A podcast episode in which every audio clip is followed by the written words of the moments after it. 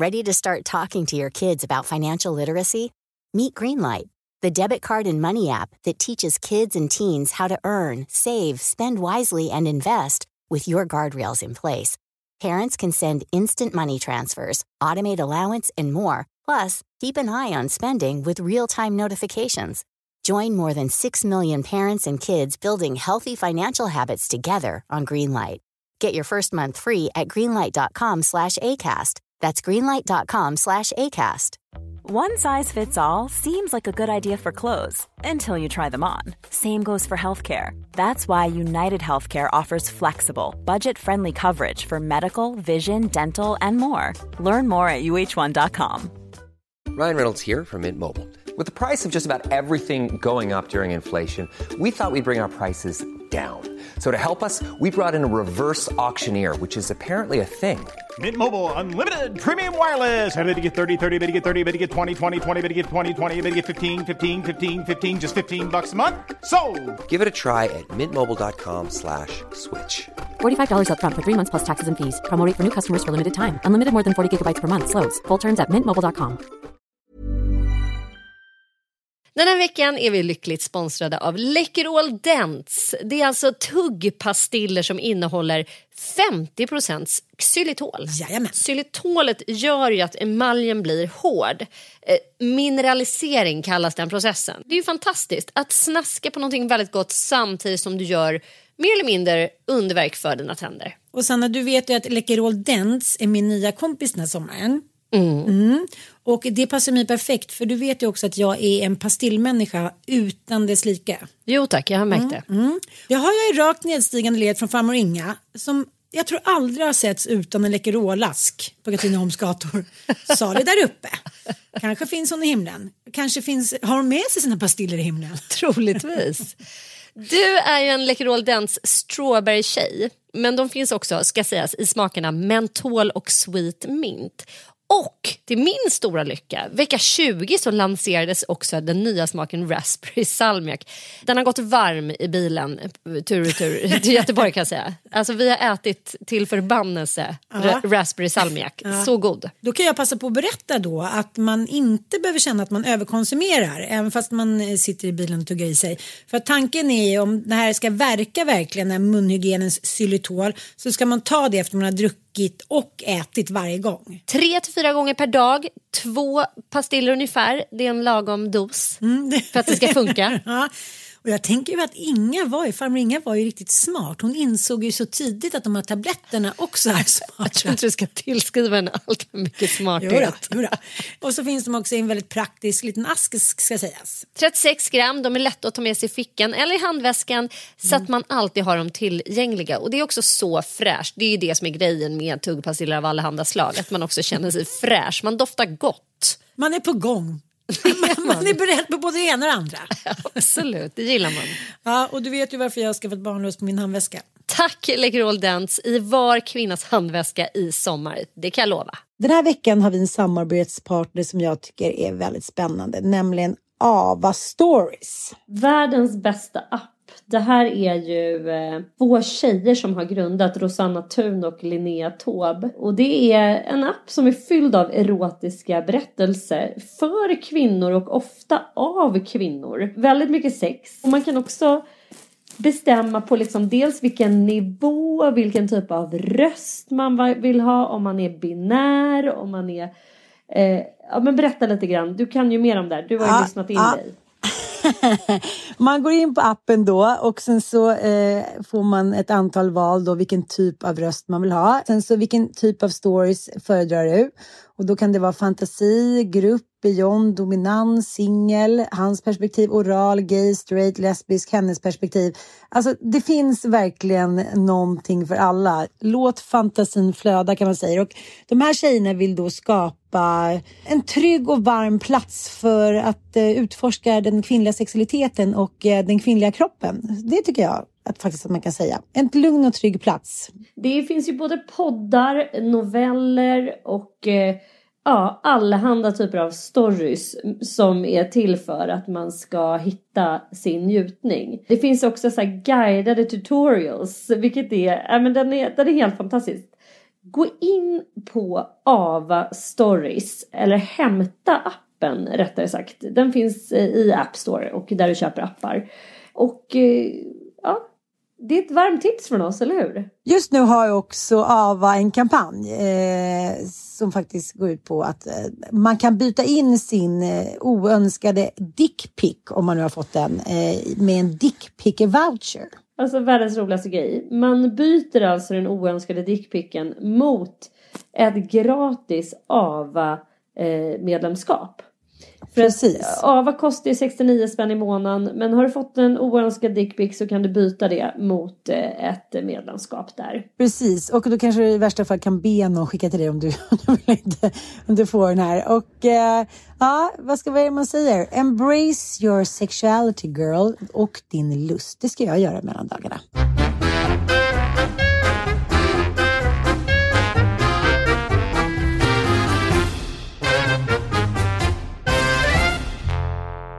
Hej i juletider. Det här är Ann och Sanna och inte din morsa som idag är lite en hybrid. Vi, vi går lite mot vår andra podd som vi tar fram lite vid tradition, traditioner, djävulspodden som den kallas. Ja, eh, och det, alltså herregud, det är julafton. Glöm inte det. Ja, jag vet. God, God jul! God jul! Vi har suttit och pratat lite här före, ska vi villigt erkänna, om både ditten och datten. Och nu blev det helt plötsligt som att vi, vi glömde bort. God jul allihopa där ute! Hoppas ni eh, lyssnar och tar en liten stund eh, för er själva. Kanske tar en liten promenad. Det är ett bra tips här på julafton. Och lyssna på oss. Vi ska vara, vara med någon halvannan dryg timme här. Vi förstår att inte ni har jättemycket tid med oss. Men eh, ja, Sanna, hur, hur mår du? Hur ligger du till? Men jag ligger bra till tycker jag. Eh, det är ju en bland... Jag har eh, blandade känslor inför julen och det har jag Mm. inte alltid haft. Och det där är ju någonting som jag tänkte så här, fan vad det är fint ändå att man att det kan pendla genom livet. Alltså en gång julhatare behöver inte alltid betyda att man är det. Och Nej. det, det gäller det, åt motsatt håll också. Att Mm. älskar man julen så behöver det inte alltid vara så heller. Nej. Och för mig har det varit så här senaste kanske tio åren så har jag så här, gett mig fan på att liksom erövra julen på något sätt och ta kommandot över den och eh, bestämma och sätta agendan för julen själv. Eh, dels för att så här, som barn är man ju klona på sina, sina föräldrar. Eh, även om man låter sina barn liksom ha önskemål kring saker och ting så är man ändå klona på sina föräldrar och på vuxna människor. Som ju kan ställa till det på olika sätt. I synnerhet om det finns eh, obehandlat beroende eller och psykisk ohälsa som ingen pratar om kring. Då, då blir ju liksom då blir det lätt outhärdligt.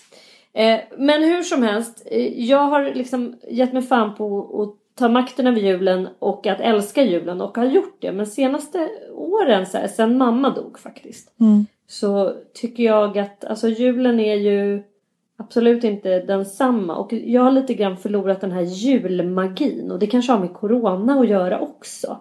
Att så här, vad fan, alltså när jag var barn och under hela, ja men fram, alltså jag tycker för varje år så, så förloras magin lite i taget. Mm. Och jag försöker säga, vad fan beror det på? Vad, vad är det som gör att jag inte har den här tindrande känslan inför julen och den här du vet att man ser fram emot och längtar efter och gud vad mysigt det ska bli och så. Mm, mm, mm. Ja, jag fattar. Nu känner jag bara, nej jag, jag tycker det typ känns som att det är en vanlig dag.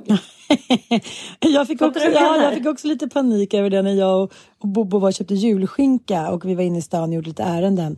Och så på vägen tillbaka så kände jag så här, men vad fan nu är det julafton imorgon. Så sa jag det till Bobo så här, känner du att, att det är jul? Känner du julmagin? Han bara, lite grann. Jag var så här, nej, nej, nej, nu måste jag så här, nu måste jag liksom stånka korv och eh, vi har ändå gjort mycket. Så jag har bakat pepparkakor tre gånger. Ah, nej, och då kände jag så här, lite likadant. Eh, eh även fast vi hade gäster här igår, vi satte upp granen tidigt och gått all in. Och då tänkte jag också att, att jag tror att jag kanske har stängt av lite i år för att mm, jag för första gången i mitt liv inte har någon förälder.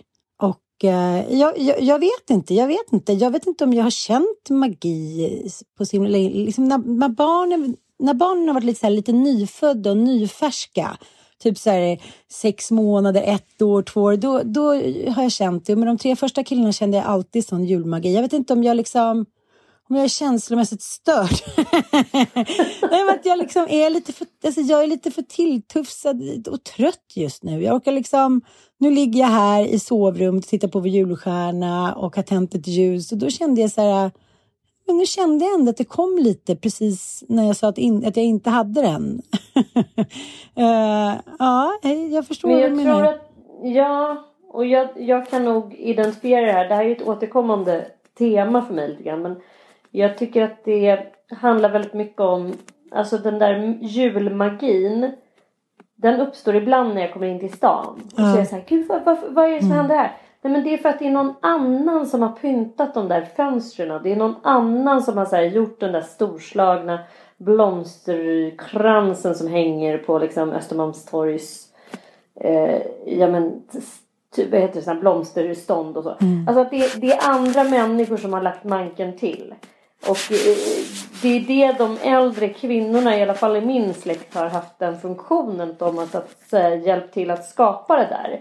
Och när man är näst, next on tour, next in line, när man liksom inte har några gamlingar så måste man ju stå för det själv. Och då är det klart att inte, man kan liksom inte skapa någon överraskningsmoment för sig själv. Nej, men jag tror för Man kan ju inte säga i blindo hänga upp en julstjärna och sen bara titta nu då. Åh vad fint. Nej, jag vet, menar? jag vet. Och eh, jag tänkte för två år sedan så var vi ju hemma hos Mattias eh, mamma och pappa och då var det bara vi där. Och då kände jag den där julmagin för då var det någon annan som hade fixat. Då kom man in i deras vackra lägenhet med fem meter högt i tak och det låg julklappar under granen. Och det var liksom julstjärnor överallt och vackra blommor och omsorg och kärlek och innerlighet. Och vi gick upp och gick i kyrkan och som började snöa på julafton. Då kände jag så här, Gud, som du och jag ofta pratar om, så här, snälla bara mamma mig bara, amma mig bara. Men, men jag tänker att så här, om man ska prata julstress så kan man, vi kan tyvärr inte riktigt skylla på moderna tider. Det är liksom ett begrepp som är lika gammalt som julen själv. Tänk dig ja, men förr i tiden då, då tog ju många, inte alla såklart, men då tog ju många det årliga badet på julafton. 39 minusgrader i en jävla liten liksom, tunna, ja det är klart att vattnet var uppvärmt men och allting skulle vara så perfekt och allting som, ja man gjorde allting själv.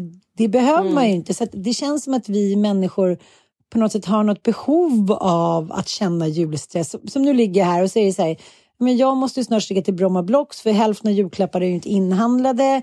Nu ska jag sätta igång med det. Men jag skiter i det. Jag är så här, ja ja, men jag vet ju vad jag ska köpa och jag kommer åka iväg. Men det kommer bli liksom, det blir bra. Förstår du vad jag menar?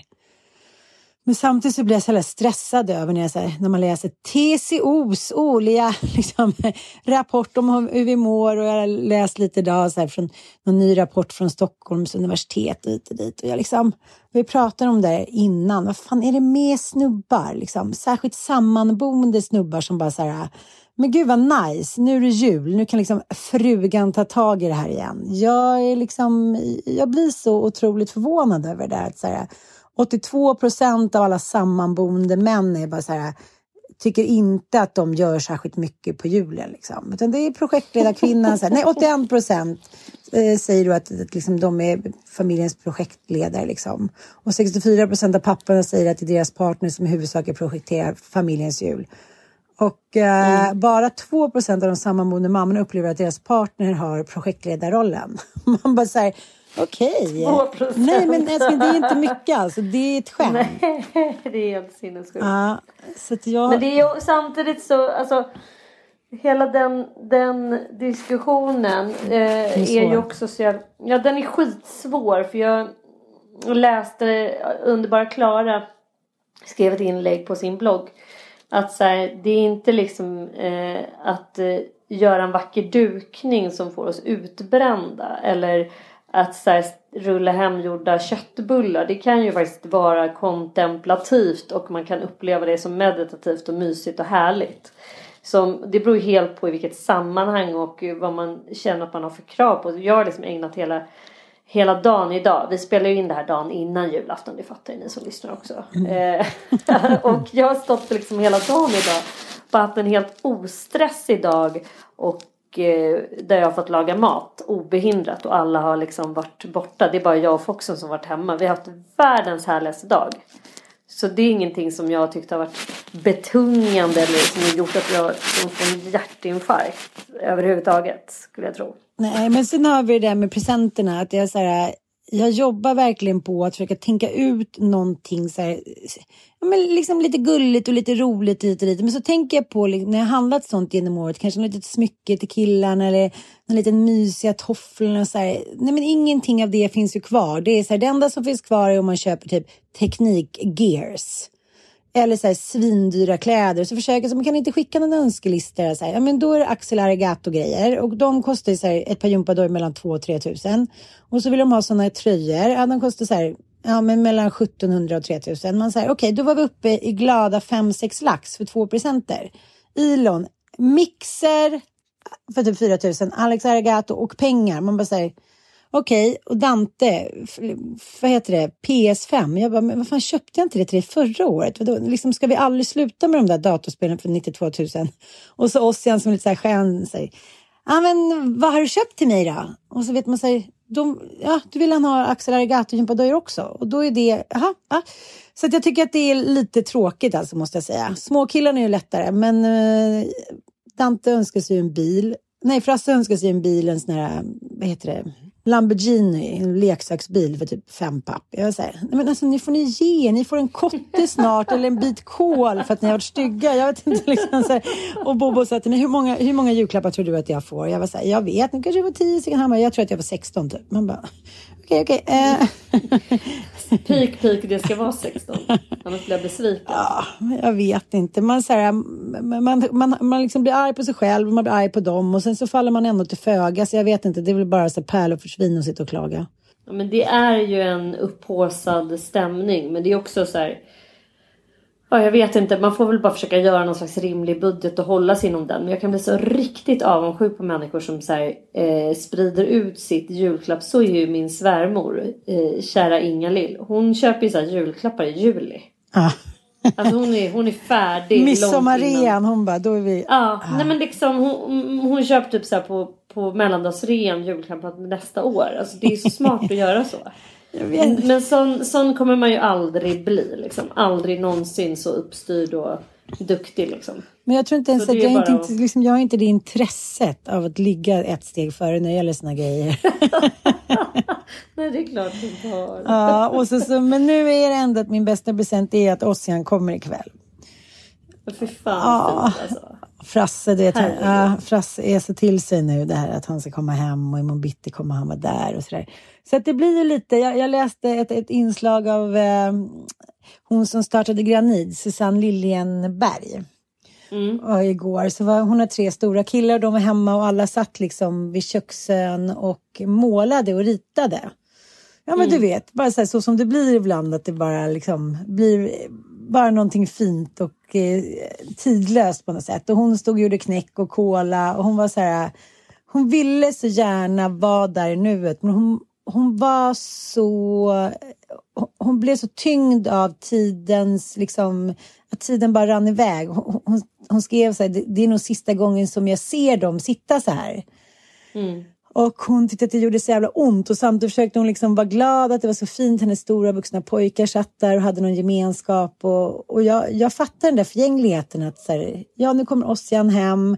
Det är helt otroligt. Han kunde lika gärna inte kommit hem och då hade den här julen inte alls varit lika magisk. För då hade någon varit borta. Och så kommer det vara från och med nu. Och jag tycker det är jobbigt. Jag skickade direkt till vår gemensamma kompis, som inte säger hennes namn. Jag bara, hur sent kan man skaffa ett barn? Hur, vadå? Hur, han och skickade olika tips till så här. Nej. Ja, jag bara, nej gud nu är jag så galen. Nu får jag skärpa mig. Typ. Jag bara, här, kan ägget fästa? Den här kan jag ta mina egna ägg. Att jag liksom i en desperat sista handling bara säger måste typ ha ett till barn, en dotter som är så rädd att så här, alla ska försvinna. Ja.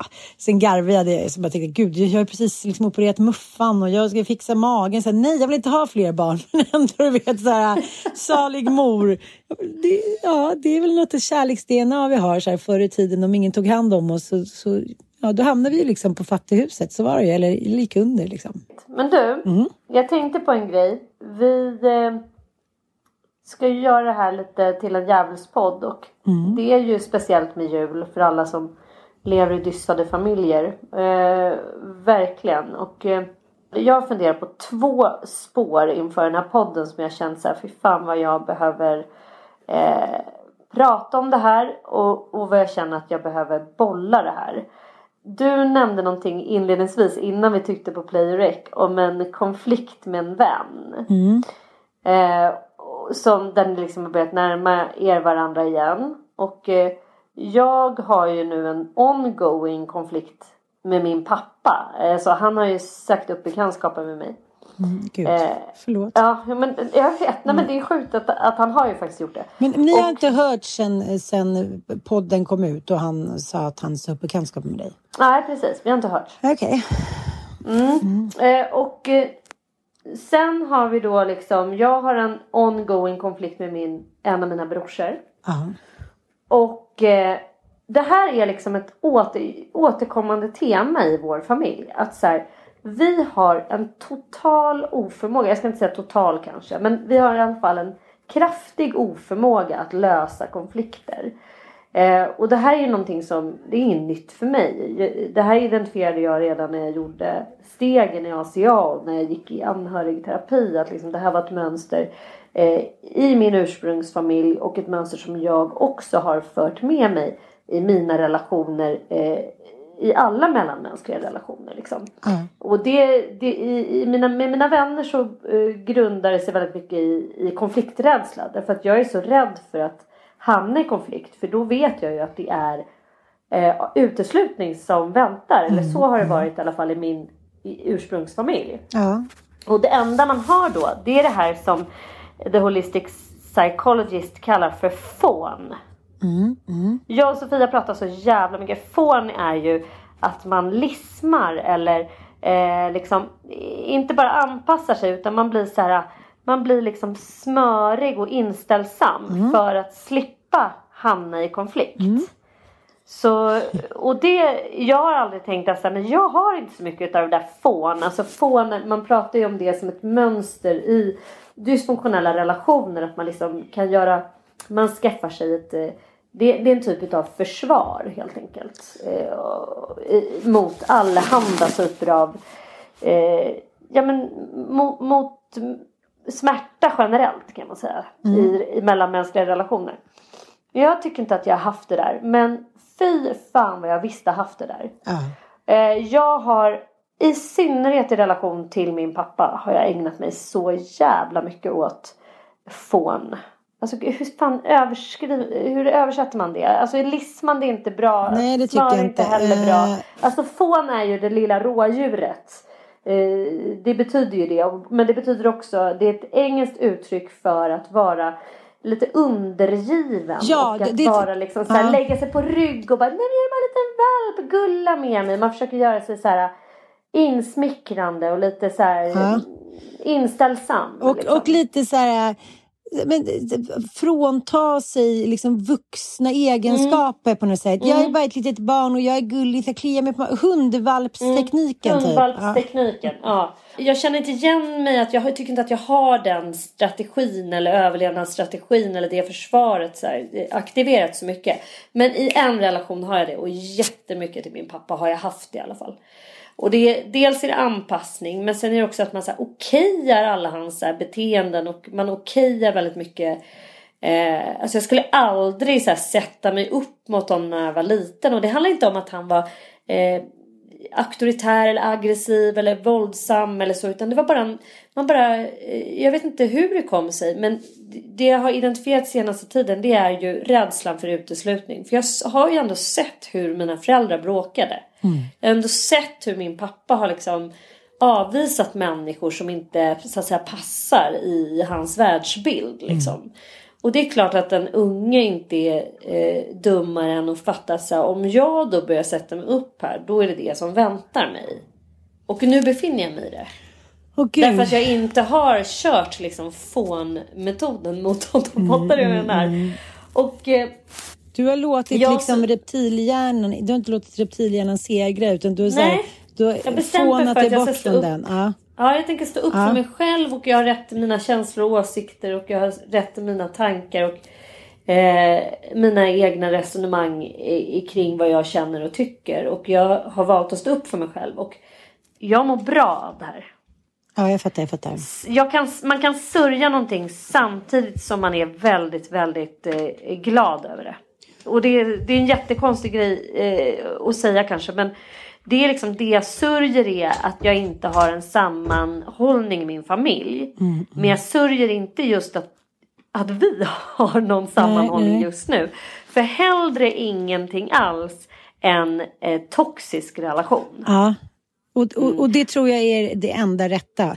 Sen pratade vi om på jullunchen igår att när man tittar på olika relationer så måste man ändå ställa sig frågan så här om jag inte skulle vara i den här eh, relationen, vare sig det handlar om en kärleksrelation eller med en vän eller med en släkting eller vad det nu handlar om, en pappa eller mamma. Eh, Får jag ut någonting bra? Blir jag en gladare, lyckligare och tryggare människa?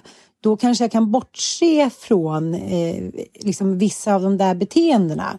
Och det är jävligt svårt. Och, eh, så jag, jag tror så här, men jag tror också att man vet. Man vet i sitt inre så här, vad som är rätt och vad som är fel för en själv. Och det är när man inte följer liksom den inre känslan av så här, att vara rättvis och sann mot sig själv. Det är då det blir nog renhjular. För då går allt åt helvete. För då går topplocket till slut vare sig man vill eller inte. Liksom.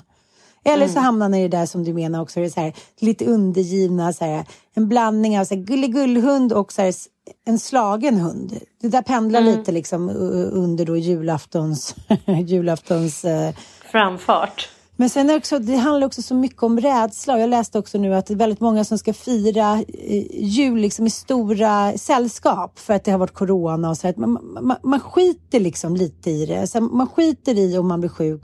Man måste bara få vara nära människor man älskar. Och det tycker jag är så här, både jättehjärtskärande och liksom så tydligt för vad mänskligheten på något sätt går ut på. Förstår jag vad jag menar? Men samtidigt så är det så här, om, om man, det finns en viss typ av människor. Man säger alla är snälla och alla föds snälla och alla föds goda hit och dit. Och det kanske är sant. Men sen så finns det ju vissa som har bestämt sig för att de inte vill anpassa sig. Och jag har ju lite så med min exman och jag känner bara så här, jag är helt ointresserad. Nu är det över. Nu är jag så här, nu är jag vuxen, nu vet jag vad jag vill. Jag orkar inte hålla på och liksom eh, dribbla med honom utan jag skriver bara så här, blir det här bra? Försöker ändå vara schysst. Liksom. Blir det här bra? Jag tänkte så här, så här, blir det bra? Och sen så skiter jag lite om han svarar eller inte och så gör jag bara så. Och då känner jag ändå att jag har varit schysst som har sagt någonting. Förstår du vad jag menar? Men med den här typen av människor, så här, ah, då blir det ingenting om det inte blir på deras sätt. Och jag fattar att det finns bokstavskombinationer och jag fattar att det finns så jävla mycket orsaker liksom, till det här. Men då kan man ju nästan inte liksom, leva på den här liksom, då kan man ju inte skaffa en familj eller vara en familj. Det, liksom, det innebär ändå vissa ansvar tycker jag. Att om man skaffar en familj så måste man vara en bra förälder eller en bra liksom, del av familjen. Om man väljer att inte tycka att man behöver det, nej men då får man inte vara med. Och liksom, Men jag, ja, och jag tänker så här, för att det finns ju lite två spår när vi pratar om bokstavskombinationer och olika typer av psykisk ohälsa. Eh, där lever vi ju i ett samhälle just nu som är väldigt upplysande kring de här diagnoserna och vad kan man göra för att liksom underlätta för de här personerna och att man ska ha hänsyn till eh, människors olikheter och så vidare. Men som du säger så av vuxna människor så måste man ändå kunna förvänta sig någon visst mått av eh, delat ansvar.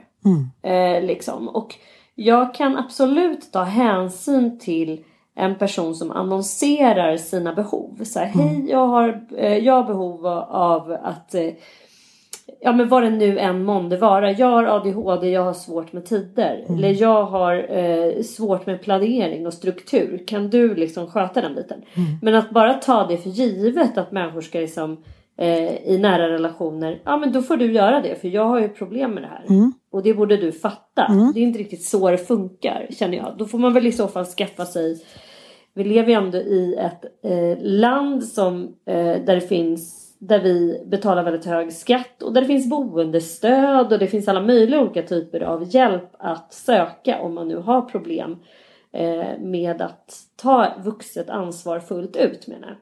Ja, men, men... Och liksom som medberoende så vägrar jag att hamna i den fällan att så här, okej, eh, vi ska inte ta ansvar och över eh, eh, och en alkoholists vägnar. Men vi ska tydligen göra det och, och en person som har liksom Aspergers vägnar. Eller förstår du vad jag ja, menar? Ja, jag fattar. Jag fattar.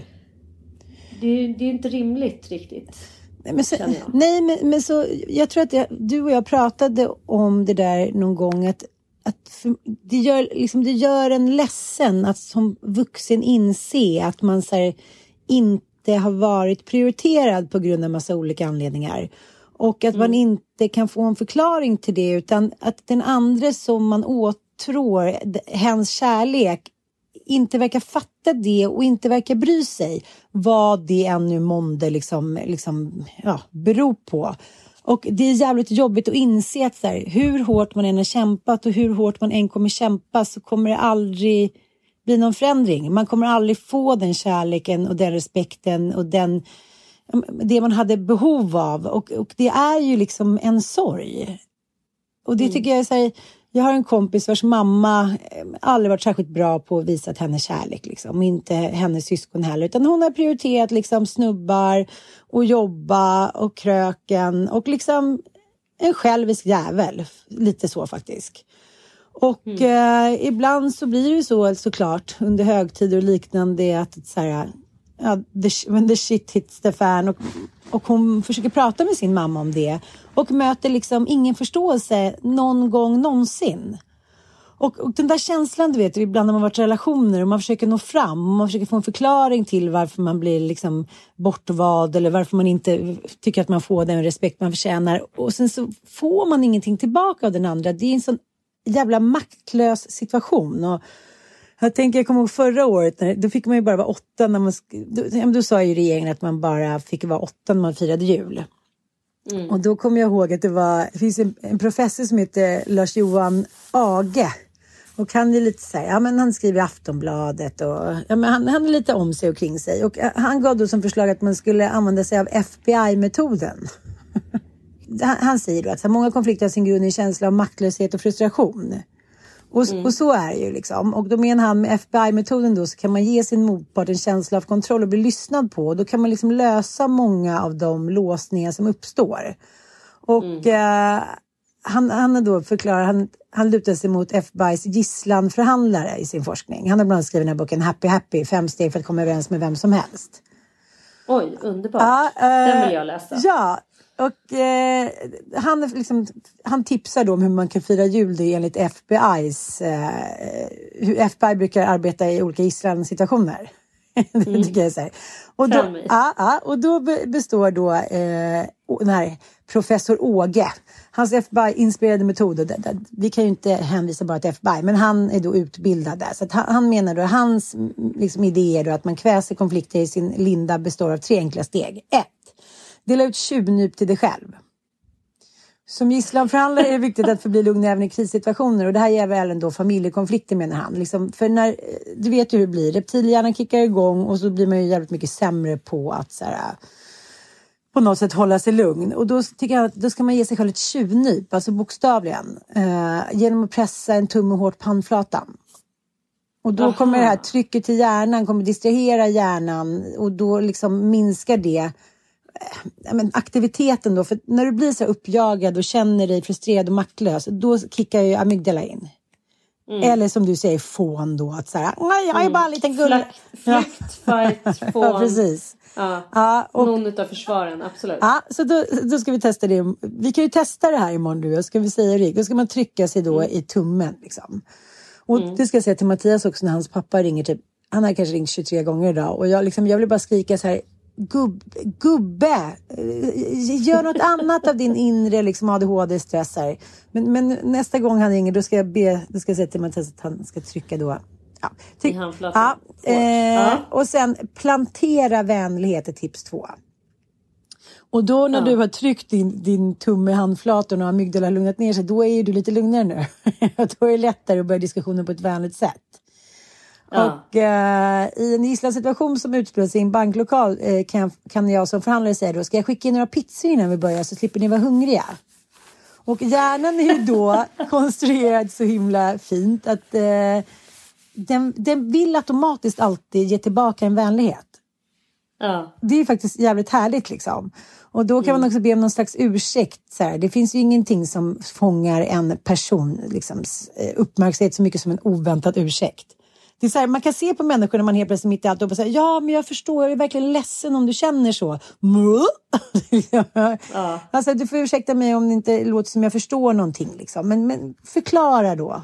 Till exempel om man har ett julbord och nu är det mycket sådana grejer tycker jag att ungdomar, de är veganer och så kanske man själv älskar sin skinka. Så där kan jag också känna, alltså, men varför ska du äta det där? Man bara, ja men jag tycker om det, det är så traditioner, så här, ha äckligt. Man bara, då ska man liksom då, men jag fattar, jag fattar. Men kan du förklara för mig eh, varför du känner så? Jag förstår, förstår du? Man, man, man Mm, planterar mm, vänlighet.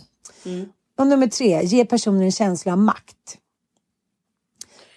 Okej. eh, det här vet gisslanförhandlaren då att den vanligaste orsaken till att de blir upprörda att man känner sig maktlös och frustrerad If you're struggling to lose weight, you've probably heard about weight loss medications like Wigovi or Zepbound, and you might be wondering if they're right for you. Meet PlushCare, a leading telehealth provider with doctors who are there for you day and night to partner with you in your weight loss journey. If you qualify, they can safely prescribe you medication from the comfort of your own home. To get started, visit plushcare.com slash weight loss. That's plushcare.com slash weight loss. plushcare.com slash weight loss. Life is full of awesome what ifs, and some not so much, like unexpected medical costs. That's why United Healthcare provides Health Protector Guard fixed indemnity insurance plans to supplement your primary plan and help manage out of pocket costs. Learn more at uh1.com. Want to teach your kids financial literacy, but not sure where to start? Greenlight can help. With Greenlight, parents can keep an eye on kids' spending and saving, while kids and teens use a card of their own to build money confidence. As a parent, you can send instant money transfers, set up chores, automate allowance, and more. It's a convenient way to run your household, customized to your family's needs, and the easy way to raise financially smart kids. Get started with Greenlight today and get your first month free at greenlight.com slash ACAST. Hiring for your small business? If you're not looking for professionals on LinkedIn, you're looking in the wrong place. That's like looking for your car keys in a fish tank. LinkedIn helps you hire professionals you can't find anywhere else, even those who aren't actively searching for a new job but might be open to the perfect role. In a given month, over 70% of LinkedIn users don't even visit other leading job sites. So start looking in the right place. With LinkedIn, you can hire professionals like a professional. Post your free job on linkedin.com slash spoken today.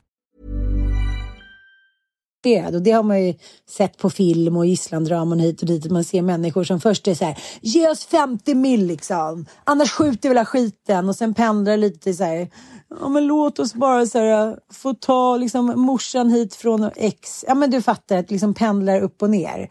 Och eh, den som liksom ger då, det blir som en makt som är helt ofärlig, ofarlig. Man kan ju inte säga ge någon en AK4 på julafton och bara säga okej okay, jag skjuter den. Men man kan ändå liksom ja, så här, jag har uppfattat det här rätt, du önskar det här och här. Liksom. Och då, när man ger den andra människan som inte har någon makt och kontroll utan känner sig då liksom kanske ja, men helt från, eh, kopplad från en hel värld, ett land eller någon, ja, men någon som har lämnat en, du vet, människor säger jag hoppar om du inte kommer tillbaka och sådär. Har jag, Men om man säger sådär, uppfattat det här rätt, att du önskar det här och det här. Och då får liksom, ja, i det här fallet då, våra släktingar och familj gisslan. en känsla av makt och kontroll och då så skapas det att oxytocin utsöndras i hjärnan. Och då blir den här hjärnan inställd på samarbete istället för på konflikt.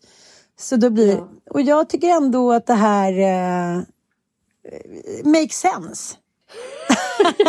ja, ja, jag förstår det men, men samtidigt tänker jag så här, jag kan tycka att den där metoden kanske känns relevant när man har, alltså den känns ju ganska manipulativ för då är man ju bara intresserad av att lösa konflikterna så att det inte ska uppstå en alltför obehaglig stämning. Typ. Det är ju svårt Men i dysfamiljer, det är sant. Det är sant. Ja det är jävligt svårt i dysfamiljer. Men framförallt så är det kanske så att Du vill alltså ha dys- tre liter sprit nu? Ja, men jag förstår. Nej, nej, nej, ah, den är svår, den är svår. Ja, den är skitsvår. Så här. Men det är också... Men sam, alltså absolut tror jag att den där metoden är sjukt bra för att skapa, för att inte eh, en vidrig situation ska uppstå och eskalera om en person till exempel är full eller om vi tänker oss en intervention av, av något slag. Alltså vi eh, har ju ändå varit med om en och annan jul där man har sagt Eh, vi vill gärna att julen är vit. Vi tänkte inte att vi dricker alkohol. Eh, Att man presenterar det som ett önskemål kring eh, sammankomsten oavsett om den är i ens eget hem eller i någon annans hem. Och då står man ju plötsligt där eh, och måste hantera en situation om någon ändå kommer dit och är full. Och det här har ju hänt mig massor med gånger. Alltså hur gör man då? Eh, och jag kan säga så här, de flesta blir extremt tagna på sängen för att det är så jävla jobbigt att behöva tillrättavisa vuxna människor. Vi har haft en överenskommelse, överenskommelsen är bruten. Och den här vuxna personen ljuger dessutom om det. Alltså förnekar. Och det här är en outhärdlig person. Eller en outhärdlig situation för de allra flesta. För att det är jättejobbigt att beslå någon med lögn. Och det innehåller så många parametrar av eh, Ja, alltså o, os, ja, bara liksom så här, e- det här som vi kallar för pinsam tystnad slash extremt jobbigt läge och så. Då skulle jag säga att den här gisslanmetoden är perfekt.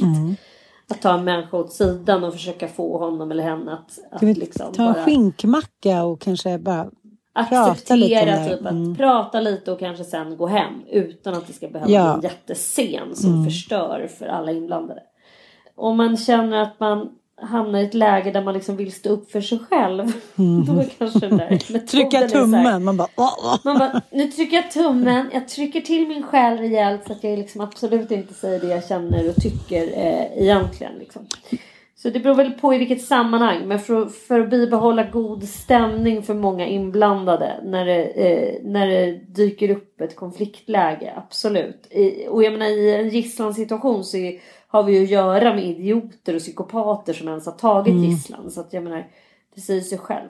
Men jag tänker ändå så här att man det är ändå det här som är svårt. För även om det är en människa man älskar som gör en besviken så kommer man till det här att, att bägge parter i fallet i, i dysfunktionella situationer känner sig maktlösa, frustrerade och ledsna. Och det är väl det kanske det som är lite skillnad mot den här FBI-metoden att så här, där det är liksom en förhandlare och eh, en förövare om man säger så. Och så är det ju inte i de här situationerna. Vilket gör att liksom det är två maktlösa, förtvivlade människor som på något sätt ska leda varandra. Och eh, det är svårt. Och jag, jag vet inte hur du känner, men jag kan tycka att vi var ju väldigt sammansvetsade i min familj. Och eh, när min mamma gick bort och min pappa började liksom dricka väldigt, väldigt mycket så hade jag liksom kompisar och sådär, men jag hade inte kanske den sociala familjeuppbackning som jag känner att många har när man tittar så här på Instagram. Så här, Anette och Thomas. Och det, är så här, det är gudsöner och det är teater och vi ställer alla upp och alla är på landet hit och dit. Så var det liksom inte riktigt för oss. Vi var ganska mycket vår familj, även om vi hade mycket vänner och stort socialt sammanhang så var vi ganska mycket så här, firade jul med mormor eller själva uppe i stugan. Jag tyckte det blev ganska tydligt att jag trodde att jag hade ett starkare socialt liksom, nätverk än vad jag hade. Är du med mig lite? Mm. Ja, för jag tänker om man ska säga, ge några liksom, råd då inför högtider och i det här fallet jul. När jag känner så att det är några jular som jag känner så här. Nej, men jag hade egentligen hellre blivit skjutit på fläcken än att ha upplevt dem. För de sitter så ljust fastetsade i min, i min själ och min kropp. Och det är både nu när jag har blivit vuxen och när jag liksom eh, var Ja, inte när jag var liten i och för sig, det var det inte. Men eh, när papp, mamma blev sjuk och pappa också blev sjuk då, fast är en annan sjukdom. Hur jag liksom istället för att säga, nej men vet ni, jag, min sy- syrra vill inte hänga med och det vill inte jag heller. Utan ni, ni får liksom, ni, det har blivit så galet hela den här situationen. Ni får klara er bäst ni vill. Jag firar jul med Sanna eller något sånt där. Det fanns aldrig i min, i min tankevärld. Att jag Nej. inte skulle liksom sitta med i den där dyssen till the bitter end. Så det skulle jag vilja ge er ni som lyssnar nu. Man behöver inte det. Det jag aldrig klarade av att ställa mig utanför och titta in. Men om man, om man vågar och klarar det i några minuter så ser man ganska tydligt om det där är ett ställe man ska vara på eller inte. Är du med mig? Mm. Mm, verkligen. Och jag kommer ihåg, även fast det inte är särskilt lätt och det pratar vi väldigt ofta om att här, när det väl gäller är det väldigt, väldigt svårt. Men man kan också öva lite så här, när julaftons morgon kommer kan man, liksom, man kan ha något mantra. Man kan liksom upprepa tre saker för sig själv. Så här. Om hen kommer hit och är onykter, då kommer jag se till att den går. Jag kommer ha en liksom, plan då om man är hos någon annan och det inte blir då som man har planerat eller sagt. Alltså man måste på något sätt, det låter så himla hemskt, men, men att man måste ha en plan för om det inte blir som man har tänkt sig. Och det vet ju inte liksom, normala familjer hur det är. Men det vet ju du och jag. De, folk blir så förvånade när man berättar om, om, om saker som hänt på julen. Så bara, va? För de flesta, mm. flesta är ju bara en, faktiskt en underbar tillställning trots uttryck som Norén-jul hit och dit. Så är det så här, barnens högtid. Inte i England då, där folk inte bryr sig mycket om utan mer sitter och super själva och sådär. Men, men i Sverige är ju verkligen det. Så att, eh, det är svårt också. När, det är så olika referensramar och det ska vara en underbar dag. En ljusets dag, en liksom förlåtelsens dag, barnens dag. Och blir inte det, ja, men då får man göra något åt saken. Man är inget offer för omständigheter. Det har jag trott i så många år, men det är man ju inte. Men nej, och det, men det som är med dysfunktionella familjer, det, det jag var inne på och inledde eh, med, det är ju den här eh, konfliktfyllda mm. liksom, stämningen som ofta råder. Alltså det är ofta människor som är i konflikt med varandra mm. och har sagt upp bekantskapen med varandra. Om han mm. kommer så tänker inte jag komma. Om hon är där så vill inte jag vara med.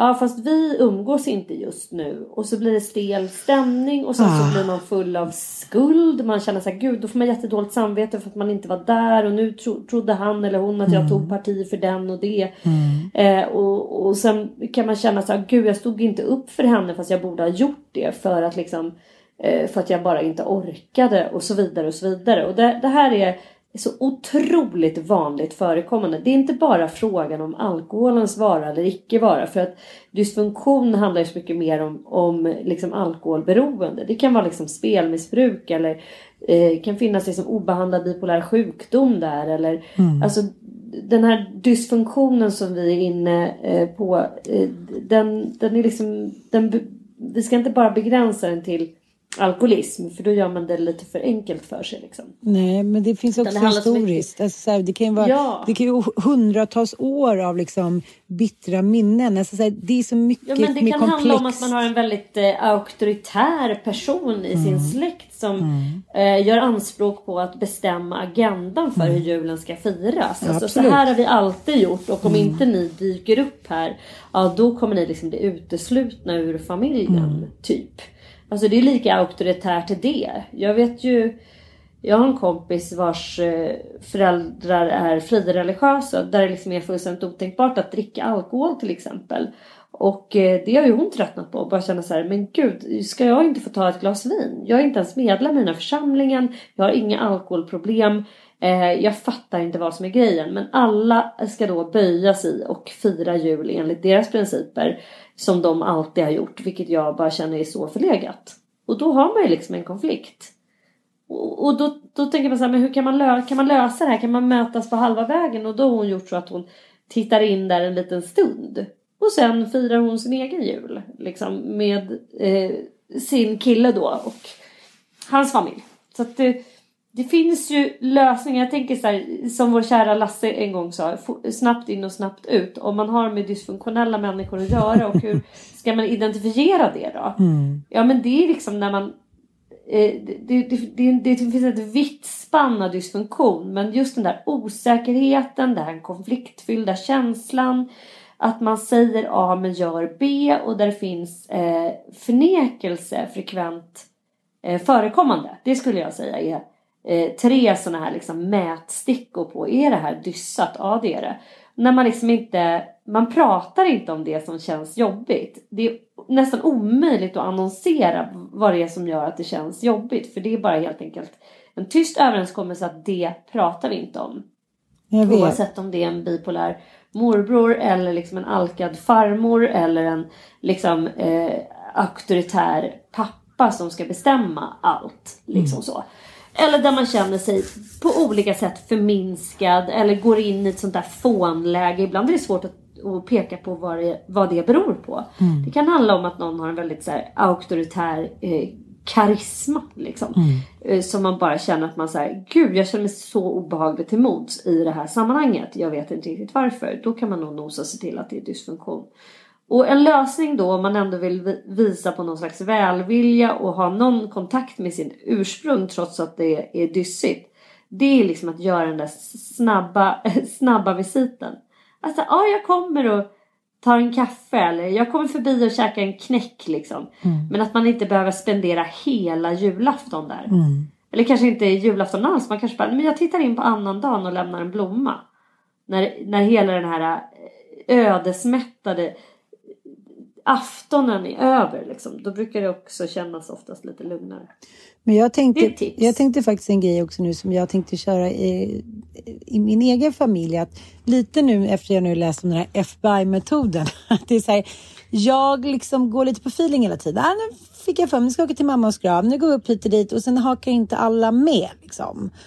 Mm. Det är som Mattias säger, igår kommer du från en jullunch, du kommer så en minut efter våra gäster har kommit, du bara ställer och hackar och alla och sen skapar du liksom, eh, kokar du soppa på en spik och skapar en magisk måltid. Liksom. Sen får jag i och för sig sköta disken som han säger, men, men det här är väldigt få förunnat att klara av och liksom balansera på den här linan hela tiden. Att den är liksom Ja, men den- nervlinan, om man ska säga så här, att- att den hamnar på rätt sida. Och då kanske man kan prata igenom om man är en familj. Det är lite svårare om man har barn tillsammans och så här, okej, jag går bara in och ut. Men så här, hur, hur, hur, vad har du förväntningar? Vad har du för förväntningar på den här dagen imorgon? För det, det, det tror jag liksom inte att man kanske gör. Och jag kommer ihåg den där gången när, när morfar och pappa drack massa brännvin, massa, liksom shotsbrännvin på julafton och liksom mormor kände kanske för första gången på allvar i sitt liv, de hade en väldigt jämställd relation, att att morfar hade kört över henne, att han hade blivit onykter på julafton och det var ett sånt svek för henne. Så att hon låg då på den här soffan, den här blåa stoppade sammetssoffan, du vet så här tidigt 1900-tal. Man satt ju liksom så på en hö, som en hö. Hövholmstantalora. Man så här, jag kommer ihåg hon alltid satt uppkrupen. Hon var ju som mamma, så här, gummimänniska, supervig. Jag vet liksom inte hur de fick in fötterna under benen. Så här, men hon satt alltid liksom li, lika elegant. Men det fattar man att man kan ju inte sitta på något annat sätt i en liksom stoppad eh, skruvsoffa. Typ. Men då sov hon på den där hemska soffan.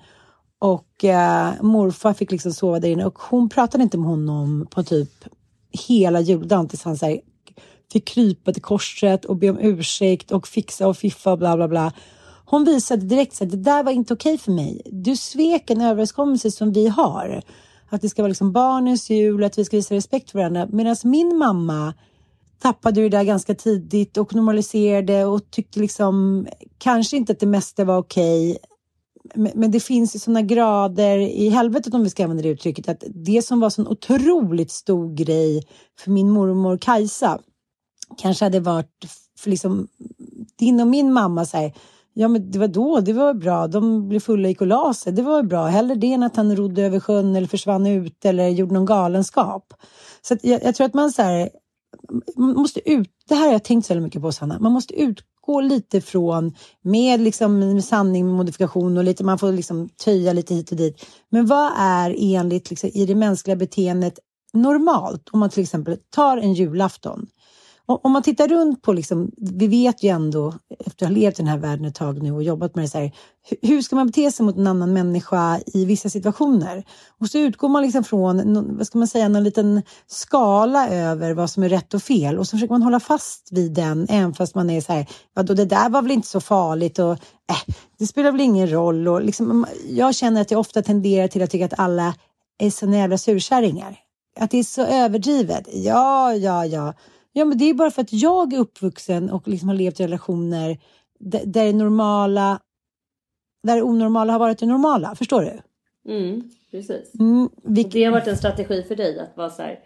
Ja, ja, det är inte så farligt. Typ. Nej, men jag har ju tro- det jag har inte trott varit det.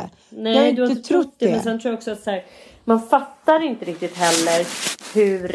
Eh, alltså det är också en strategi. Det är ju anpassning. Att bara säga Oh ja, nu är det så tydligen. Nu eh, blir folk dyngraka och så här, eh, går och somnar klockan åtta innan tomten ens har kommit. Mm, Liksom.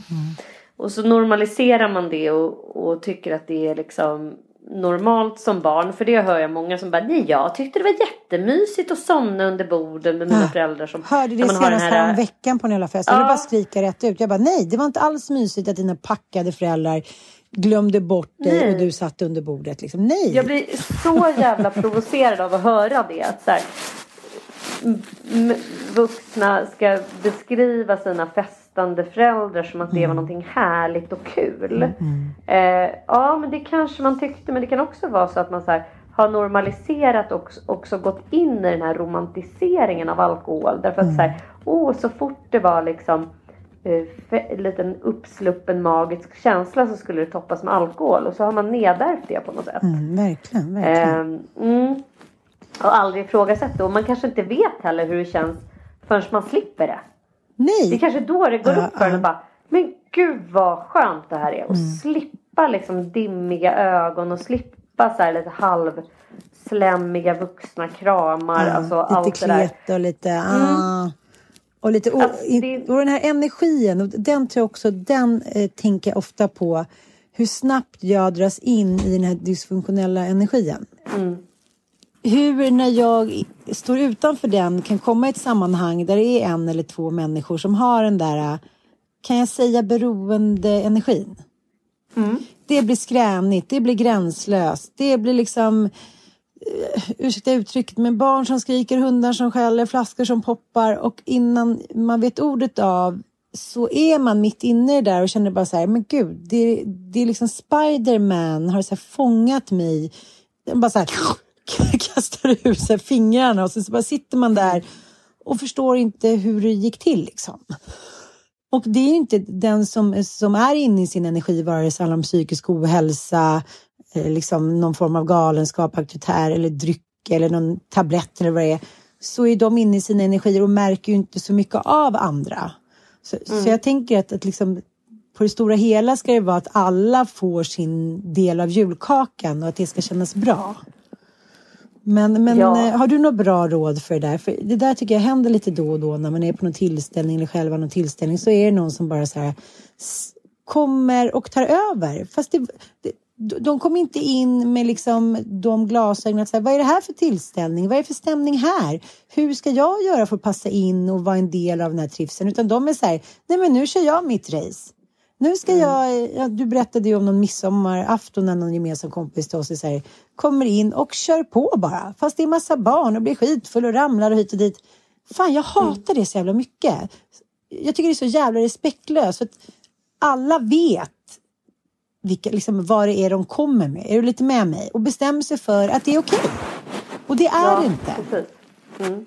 Så det tycker jag också det är är bra också med så här, vem har tolkningsföreträdet och vem har bestämt eh, hur, hur stämningen ska sättas liksom. Och det handlar ju en, det är också en väldigt dysfunktionell egenskap att inte känna av rummet. Utan gå in i rummet och sätta agendan själv.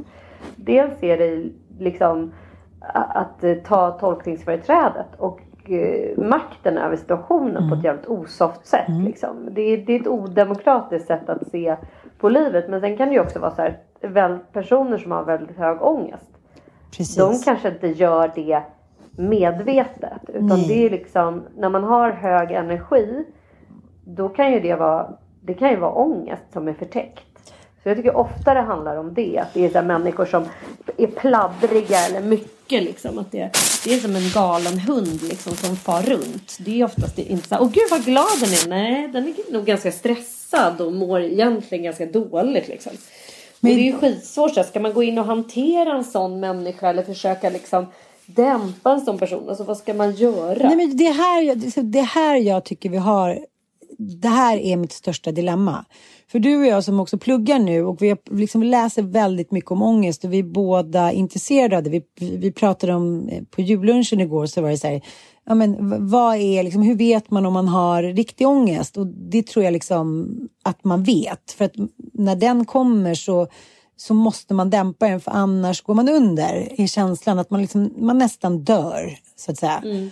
Och så kanske någon, då var det någon som sa jag har en jävla bakfylleångest, jag känner att jag typ vill dö när jag är bakis. Och så här. Men det har en kemisk förklaring. Och att det just att det är jobbigt för människor när vi inte hittar någon förklaring. För ångest är ju liksom ingen sjukdom utan det är ju en känsla som vi får som, som är... Det är ett tillstånd mer. Det är liksom, har att göra med amygdala och det Precis. har att göra med hormoner. Att har man haft för, för stort stresspåslag under för lång tid Mm.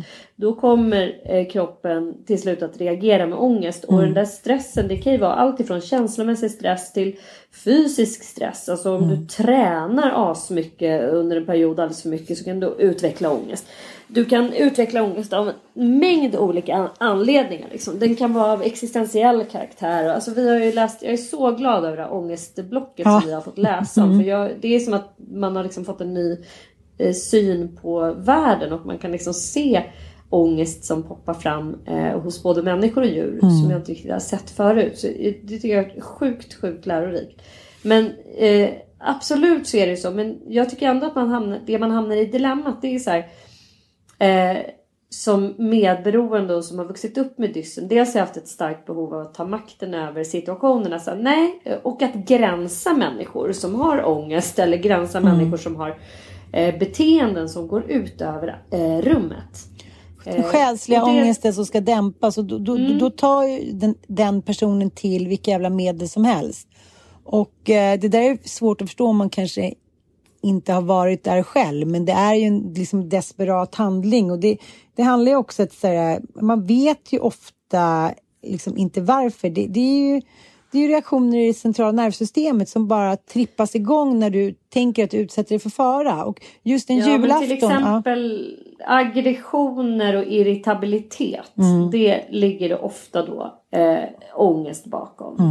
Så när, när det uppstår irritabel och aggressiv stämning så Mm. finns det ofta en, en ångest bakom det. Och det, är Mm. liksom, det, behöv, det kan förklara eh, hög irritabilitet men det behöver, man, man behöver inte försvara den med det. Och det är det jag menar. Och Nej. det tycker jag också som, som, ett stort medberoende dilemma. Det är liksom att gå in i överdriven anpassning och så här, skapa fånbeteenden. Det vill säga eh, vandra runt såna här människor och försöka liksom få dem lugna. Det är inte en strategi som gör mitt liv bättre. Jag Nej, jag fattar. säga, nej, jag måste sluta med det. Däremot, eh, man ska inte blanda ihop eh, anpassning med acceptans. Nej, Därför det är att bra. acceptans är det är liksom åt andra hållet så är det sjukt sjukt eh, nyttigt att säga jag kan inte ansvara över den här personens beteenden. Jag kan inte göra någonting åt att den här personen beter sig som han eller hon gör. Jag har inte ansvar för hur andra vuxna människor kommer uppfatta den här personen. Jag behöver inte skämmas. Nej. Sekundärskammen. Sekundärskammen säga nej, det är inte min business. Ja visst, jag kanske har bjudit in den här personen. Nu har det här bisarra läget uppstått. Men det är inte mitt ansvar. Däremot så har jag ansvar över att gränsa så att mina barn inte mår dåligt av det. Och att om man själv börjar känna sig, jag mår pissdåligt av det här. Då har man också ett ansvar att gränsa. Men andra människor måste kunna ta ansvar för eh, sig. Eh, tänker jag. Och olika människor har ju olika eh, känslighet. Vissa är liksom högsensibla och tycker det är skitjobbigt när någon kommer in med jobbig energi. Andra tar ju inte ens notis om det. Nej, De nej. är som så här, det rinner av en som en gås. Och lite beroende på var man befinner sig i livet också. Det tror jag Alltså verkligen. ibland är jag helt så här, gud låt dem hålla på. Men sen i andra, i andra sammanhang så kan jag bara känna mig så här, nej jag tål det inte. Jag tål inte så toxiska energier, jag tål inte massa jävla förnekelse, jag tål inte bullshit överhuvudtaget. Och det, det är lite beroende på, eh, tycker jag, i vilka sammanhang och så här. Men i, i den nära familjen, där har jag noll fucking tolerans för tox, toxiska eh, uttryck. Nej, jag fattar. Jag vill bara fattar. såhär, nej, nej då vill jag bara speak it out loud direkt. Jag vill gränsa, jag vill bara nej, kom inte in med de här energierna här. Mm, nej. Är det någonting då pratar vi om det nu, vi rensar luften, vi ska ha det gott här tillsammans. Mm. Det, det känner jag i alla fall i, min, i, i det som nu är min familj. Alltså i mina barn och Micke och min svärmor, alltså den innersta kretsen. Mm. Och det känner jag med vänner också. Men i större sammanhang då kan jag fullständigt skita om människor går runt och, och har liksom knasiga energilägen. Nej, men jag, jag håller med Det är dig. bara så här, dig. acceptance, Ja, the rule ja. of acceptance. Bara låt dem vara liksom. Det, det, det behöver inte komma åt mig. Det behöver inte förstöra för mig. Ja, eh, men sammanfattningsvis då eftersom vi skulle göra den här halvannan halvtimme podden. Mm, vad bra det Vad bra. Det är kanonbra. Eh, jag tänker, jag tänker så att man får gå igenom liksom med sig själv lite så här. Vad, hur vill jag att den här dagen ska se ut för att jag ska kunna vara en bra mamma, eh, om det är nu det man är, eller en eh, bra partner om det nu eller en, en bra dotter. Eller så här, vad får mig att njuta av den här dagen och må bra? Sen är det ju stressmoment alltid när det är liksom många som ska träffas och det är saker som ska ordnas. Men, men det ska vara bra stress. Det ska vara så här, vi hjälps åt, vi är ett gäng hit och dit och vi ska ju till Mattias brorsa imorgon och alla har med sig jag älskar det när vi har med oss en skinka och lite vörtbröd och lite ost. Nästa har det och det och sen så gör man saker tillsammans och ingen är ett vrak, ingen är helt slut, ingen har behövt göra allting utan att alla gör en liten del och det är ju väldigt, väldigt tacksamt liksom. Och eh, en annan bra regel som tycker jag är så många, eh, det var att om man nu vill dricka alkohol så tar man med sig sin egen alkohol. Så det kommer inte finnas liksom outsinade resurser där med, med liksom så att man kan komma dit och ta sig en bläcka, utan så här, man tar med sig det man dricker. Också smart. Man behöver ta ansvar för någon annans drickande. Man behöver liksom inte stå där du vet, vid, vid sjutiden och så här, se att någon står och liksom tittar bort mot dunken och säger aha, det här var lite torrt i glasen. Man, då är man helt fri från ansvar och där tycker jag att du är något viktigt på spåren. Det är inte vårt ansvar hur andra beter sig, för de är vuxna människor. Och det är samma sak med din farsa. Det är inte ditt ansvar att han ska vara en schysst jävla farsa och liksom morfar. Han, han, han vill inte vara det heller, för han tycker det är för ansträngande. Och då får han inte vara med i din gemenskap. Det är inte så jävla svårt egentligen. Nej, det är inte det. Det borde inte vara det. Ja. Hörrni, eh, stort tack för att ni lyssnat på oss. Puss och kram. Mm. God jul och vi hörs eh, nästa vecka och då är det för fan nyår. Då kör vi en ny. Vi ja, det, vi. Sup, då kör vi super vi ner oss. Nej. Nej, men god jul och eh, ha det så himla himla härligt. Och just det, man kan gå ut en liten stund, man kan ta en liten paus i 5-10 minuter. Man behöver inte vara del av allting hela tiden. Puss och kram.